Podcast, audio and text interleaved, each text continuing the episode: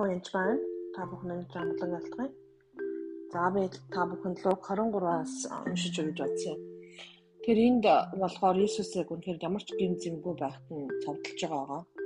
Тэгээд цовдлоод, шоодоод, доромжлоод энэ бүхэн зүйл болж байгаа.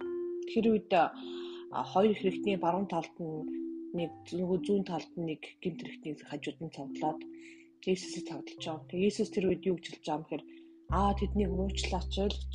Учир нь тэд юу хийж байгаа мэдэхгүй байнаагүй. Тэд шодоо түүний хувцсыг хуван авч байгаа.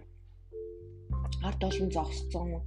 Хэрвээ чи эдээчүүдийн хамуун бол өөрийгөө авраач гэж түүний дээд талд нь эдээчүүдийн хаан гэсэн бичсэн пайз өгдөөд тиймэрхүү байдалтай байж байгаа. Гэтэл дээр байгаа хоёр гэмтрэгтний талаар ярьж өгье.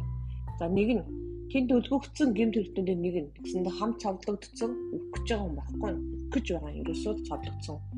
Нэг нь түүнийг доромжилж та чинь Христ биш билүү? Өөрийгөө бас биднийг авраач гэв. Тэр доромжилж байгаа. Доош нэгээд тэгээд тэгснийхаа дараа биднийг авраач гэж хэлж байгаа. Яг үнээр өөрийгөө авруулах гэж байгаа биш тэр хүнийг доош нь гэж байгаа. Харин нөгөө нь түүнийг зэмлээд чи адилхан ялд унсан атлаа бүхнээс айхгүй байна уу? Бид үйлдэлсэн хэргийнхаа төлөө зохих хариуг л авсан. Харин энэ хүн ямар ч буруу юм хийдэггүй шүү дээ гэд Есүсийг яасан бэ? Өмөрч байгаа. Тэгээд тэр Есүсээ та өөрийнхөө хаанчлалд ирэхдээ намайг санаараа гэв. Тэр хүн бүхний хаанчлалд байгааг нь итгэж байгаа байхгүй. Тэгтэл Есүс түнд үннээр би чамд хэлье. Өнөөдөр чи надтай хамт яваажин байх болно гэж байна. Энэ хүн баг хамгийн түрүүнд аврагдаад Есүстэй хамт яг тухайн үед цаг мөч хамгийн түрүүнд явсан хүн байх л та. Тэгэхээр Энд нэг нь доромжилж байгаа, доош нь хийж байгаа. Доор байгаа тэр ховжийг дээш нь дүүрлгээд ярьж байгаа. Улам. Хүмүүс доромжлохоор дахиад гутаа доош нь хийж байгаа. Харин нөгөөх нь тэрийг зогсоож байгаа чи болооч гэж хэлж байгаа. Харин энд Есүс юу гэж хэлж байгаа юм бэхээр уучлаач ээ. Эдгээр юу хийж байгаа мэдэхгүй штэ аваа гэж хэлж байгаа. Тэгэхээр би та бүхэнд өөр ишлэгийг уншиж өгье л дөө. Учир нь та нар яаж шүүн түнчлэн шүүгдэнэ? Та нар хэмжүүрийн жишээг өөрсдийг чинь хэмжинэ Хэрв тэгээд цаашаа өөр өчлөл Матай 7-2 тэгээд 11-аас 12-ыг уншиж байгаа. Хэрв та нар бузар атлаа хүмүүсдээ сайн бэлэг өгөхөө мэддэг бол тэнгэр дэх эцэгтэй нь өөрөөс чинь гуйдаг хүмүүст илүү сайхныг өгөх нь дамжиггүй бисүү.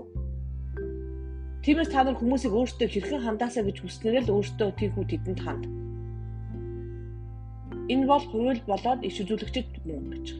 Юу гэсэн утгатай үг юм бэ гэхээр яаж чүн тэгрээ шүүхтэн Тэгэхээр хүнд яаж хандаасаа гэсэн тэргээр чин чамд өгнөө гэж хэлж байгаа. Өөртөө ихэнх хандаасаа. Тэр өөртөө хүмүүсийг ховж яриасаа гэж үсгүү. Үгүй муулалаасаа гэж үсгүү. Тэгэхээр би энд нэг хүмүүс дэм нүгэлхээр л одоо хүнтэй явуулсан хүн алсан ч гэх юм уу хэл хүнд гимтэрхүүд гэж боддог л доо. Гэтэл ямар зүйл ангигүй мөртлөө хамгийн заван гимтэрхүүдийн нэг болохоор ерөөсөө ам хэлний гимтэрэг байна. Амбаа үхэл нь хил дээрээ хүчинд байдаг түүн дуртай хүн эдгээрийн үр жимсийг хүртдэг. Сургаал дууг 1821.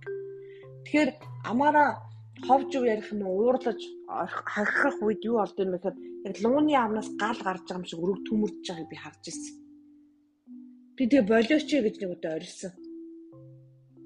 Тэгээ альва ховж юу альва уур уцаар амаараа ингээд хүмүүсийг домжил доош нь их юм яг төмөрдөж идэг тухайн хүний сүнсийг болон биеийг нутаг шатааж идэг.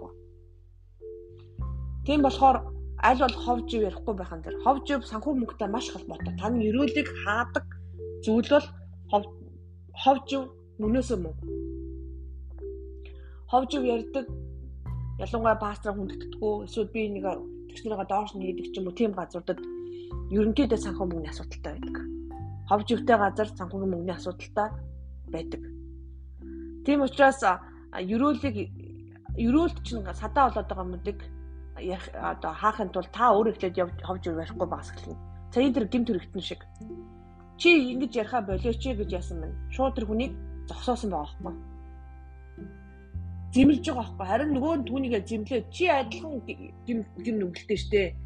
Тэрээрний хараг гаахан гэж юу ахад болио. Иесусээ та намайг бодорой ханчлалтаа гэж хэлж байгаа байхгүй. Намайг санаараа гэж хэлж байгаа.